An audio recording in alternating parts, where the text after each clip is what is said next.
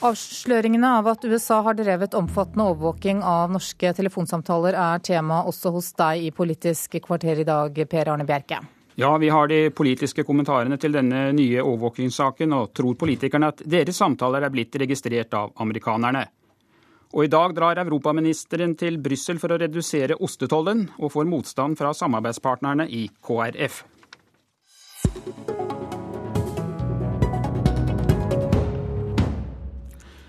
Ja, I morges er det altså blitt kjent at USA har drevet omfattende registrering av norske telefonsamtaler. Ifølge Dagbladet dreier det seg om 33 millioner mobilsamtaler. Og dette skal ha skjedd ved årsskiftet 2012 til 2013, da du var statsminister, Jens Stoltenberg. Hva er din kommentar?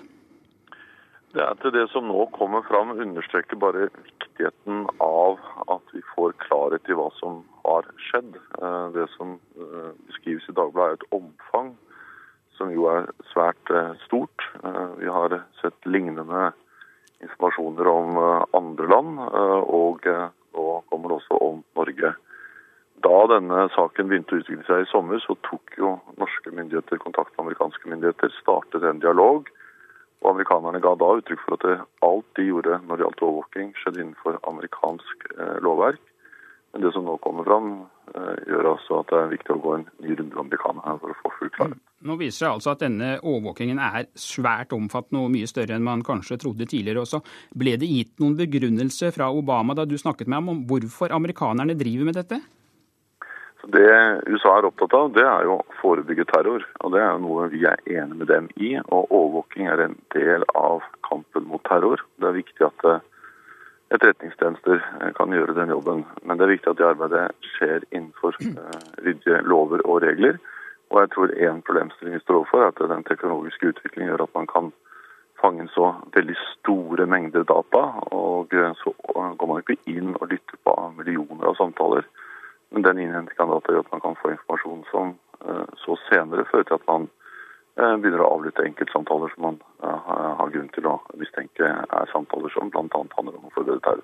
Vi har også med oss lederen i Venstre, Trine Skei Grande. Hvordan reagerer du på de nye opplysningene om USAs overvåkningsvirksomhet?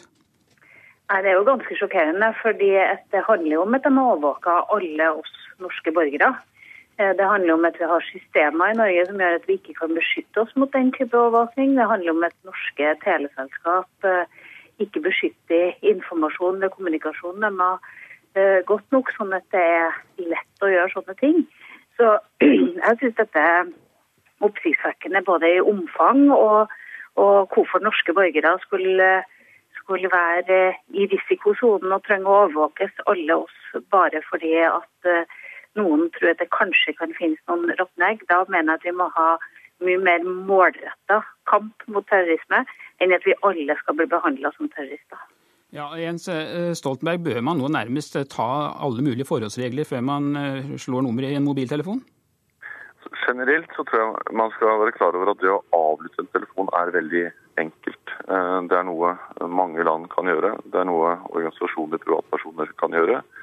Så det å snakke på en mobil eller kommunisere på nettet, det er informasjon som er lett å få tilgang til til de som ønsker det. Det er myndigheter eller er eh, kriminelle eller organisasjoner. Eh, det som er utfordringen, tror jeg, er at eh, alle land har sine egne lover. I USA har man lover som setter strenge krav i forhold til hvordan man kan overvåke innbyggere i USA. Men det er noen andre regler i forhold til utlendinger. Og dermed blir det ofte ut dilemmaer i lovverket. Hvor det altså er større adgang til å overvåke utlendinger enn folk i eget land. Men utlendinger for USA er jo f.eks. nordmenn. Og dette understreker bare behovet for å få til en bedre samordning, og også håndtere det at vi har en teknologi som gjør at man kan kaste ut veldig store nett, eh, registrere veldig mye data, eh, selv om ikke alt eh, blir fullt ut overvåket. Skei Grande, nå hørte vi jo Stoltenberg fortelle hvordan han tok dette opp med Obama da han var statsminister. Hva mener du at den nye regjeringen bør gjøre ut fra det som er kommet fram nå i morges? Jeg mener at dette er enda mer alvorlig. Dette er snakk om alle norske borgere. Eh, og jeg mener at eh, vi har et forsvar i Norge som skal hindre oss på invasjon på vår jord, men vi trenger også et forsvar som kan hindre at eh, informasjon om norske borgere bare er fritt vilt for alle. Så det går ikke an å bare gå inn og si at dette er så lett, så dette kan vi ikke beskytte oss mot. Vi må ha en plan for hvordan vi skal klare å beskytte norske borgere sitt privatliv, for det er også mye verdt. Og det er sånn at Selv om du ikke har avlytta selve samtalen, så kan du hente ut mye informasjon ut fra at uh, den kommunikasjonen som her uh, øyensynlig er å, overvåke også. Dette kan få store følger for mange hvis den type informasjon kommer på avveie. Hvordan påvirker dette Norges forhold til USA? Jeg må jo si at USA virkelig må gjøre en, en, jobb for å klargjøre hva det er som har skjedd her.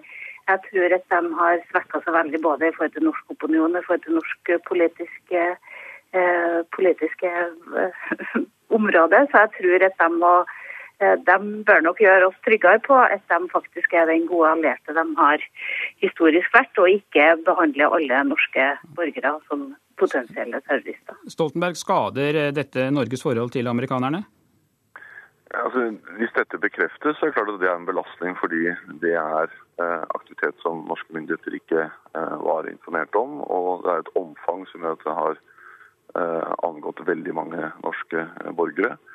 Og eh, vi er selvsagt beredt til å samarbeide på etterretningssiden med amerikanerne. Men det må altså skje på en måte som er innenfor eh, norske lover som respekterer personvern, eh, og eh, som foregår på måter som eh, vi mener er akseptable. Og Derfor er det så viktig at vi også nå, når vi får ny informasjon om omfattende registrering av samtaler, tar det opp med amerikanerne og går ut fra at de som allierte også svarer grundig og utfyllende på de påstandene som nå kommer. Tror du at noen av de 33 millionene samtaler som er blitt registrert, kommer fra din mobiltelefon? Det kan jeg i hvert fall ikke eh, utelukke. Men eh, i tillegg så tror jeg altså at eh, myndighetspersoner generelt, og statsministre spesielt, må være forberedt på at deres samtaler ikke bare registreres, men også avlyttes, overvåkes av mange. Men det er ikke noen unnskyldning i forhold til det å drive omfattende registrering av samtaler til helt vanlige nordmenn.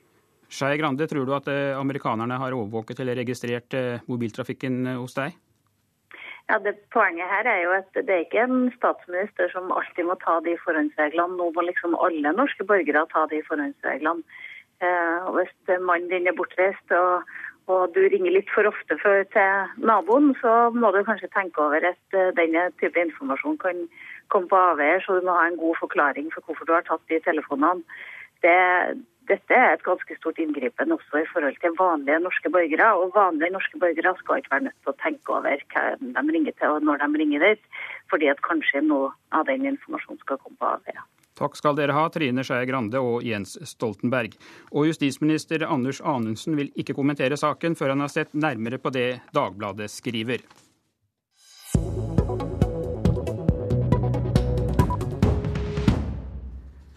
Europaminister Vidar Helgesen er på vei til Brussel for å fortelle at Norge vil reversere den omstridte ostetollen som den rød-grønne regjeringen innførte fra årsskiftet.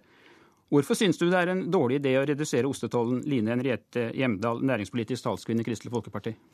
For dette handler om forutsigbarhet for landbruket og for næringsmiddelindustrien. Vi eh, ønsker at eh, statsråd Helgesen i dag står opp for norske interesser, og ikke legger seg flat for det han møter i Brussel. For det er altså et politisk mål i Norge at vi skal øke matproduksjon, at vi skal øke selvforsyningsgraden. Og da er det kan man ikke samtidig fjerne et viktig virkemiddel som har gjort at eh, bøndene fikk eh, økte inntekter, og også at vi gjør at vi produserer mer melk, slik at vi kan produsere og spise Jarlsbergost denne morgenen, eller Norvegia eller Synnøve Finten-osten. Så i denne saken kan ikke regjeringen eh, vente seg særlig støtte fra sine venner i KrF? Hvis regjeringen går videre med dette, så krever man da at man må få en kompensering på andre områder. Fordi dette er et viktig virkemiddel for landbruket for å øke produksjonen. Og det er viktig i forhold til næringsmiddelindustrien og forutsigbarhet for den viktige næringen. Morten, Morten Ørsal Johansen, medlem av Stortingets næringskomité for Fremskrittspartiet. Hvorfor syns du det er riktig at tollsatsene på utenlandsost nå senkes? Nei, det er, Nå var de som sitter i regjering, de regjeringspartiene, imot eh, innføringa av den overgangen som er gjort til, til prosenttoll. Eh, vi ser på dette her som en ren finanspolitisk beslutning, og det har ikke noe med jordbruksavtaler eller noe sånt å gjøre. Nå, er, nå tåler Norge og norsk landbruk konkurranse på kvalitet fra andre land, det er det ingen tvil om. Men vi må huske på én ting, og det er at EU e er en av de viktigste handelspartnerne som Norge har. Den er den største handelspartneren når det gjelder import av landbruk landbruksvarer, og det er den største handelspartneren vi har når det gjelder eksport av fisk. Og vi solgte faktisk varer til EU for 750 milliarder kroner i fjor. Og det er et anselig beløp. Og da bør vi òg Da mener jeg at det er uansvarlig å ikke ha et godt forhold til en samarbeidspartner som er så stor som det EU er. Eh, Hjemdal? Ja, vi skal ha et godt samarbeidsklima med EU. Men det er også sånn at EU er den mest proteksjonistiske samarbeidspartneren som Norge har.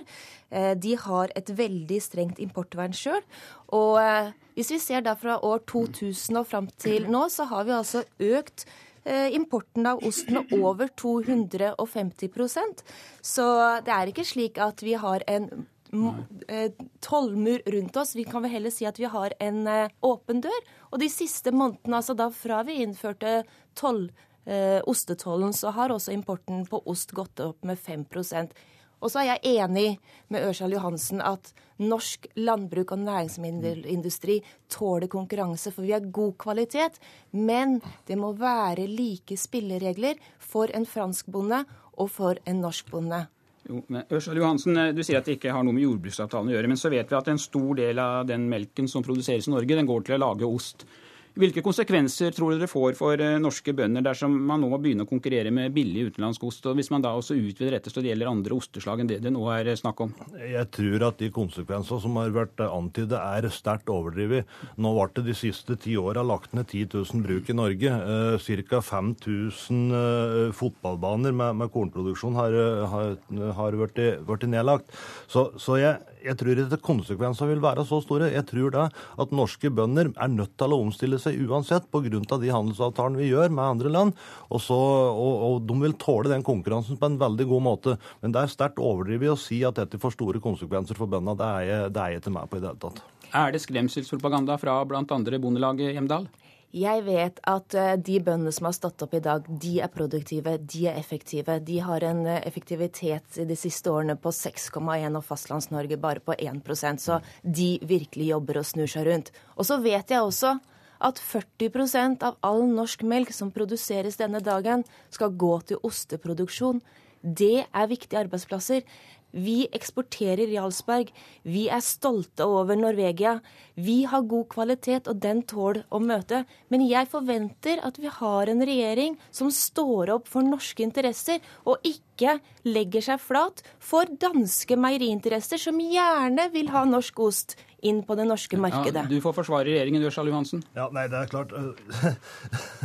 Jeg blir litt overrasket. Ja, vi produserer. Norske bønder er gode, det er det ikke noe tvil om. Vi, av, vi har noe av de beste produktene som finnes i verden. Og vi er klar, og norske bønder klarer å konkurrere på, på, det internasjonale markedet. Det er det ingen som helst tvil om, og det gjør de i dag. Og det kommer de til å fortsette med. Men vi skal også huske på det at hvis vi nå, når vi nå skal gå til reversering til dette, så skal det skje i samarbeid med aktører, altså blant bl.a. det norske landbruket. Og så får vi se hvilke, hvilke avtaler vi får inn, eh, og som gjør at, eh, at norske bønder ikke lider unødvendig pga. dette, noe jeg tviler de vil gjøre. Men det er alltid dårlig i en forhandlingsposisjonsåpning å begynne med å gi fra seg noe uten å kreve noe tilbake. I dag vil da Helgesen reise og si at han vil reversere ostetollen. Hva har vi fått tilbake? Hva, hvilken hjelp får norsk næringsmiddelindustri og, og, landbruket? Og hvilke fordeler fikk vi ta å innføre prosenttollen? Ingen som helst i det hele tatt. Det har ikke vært noen fordeler for norsk landbruk. Men norsk landbruk har klart seg godt. Man har fått økte inntekter.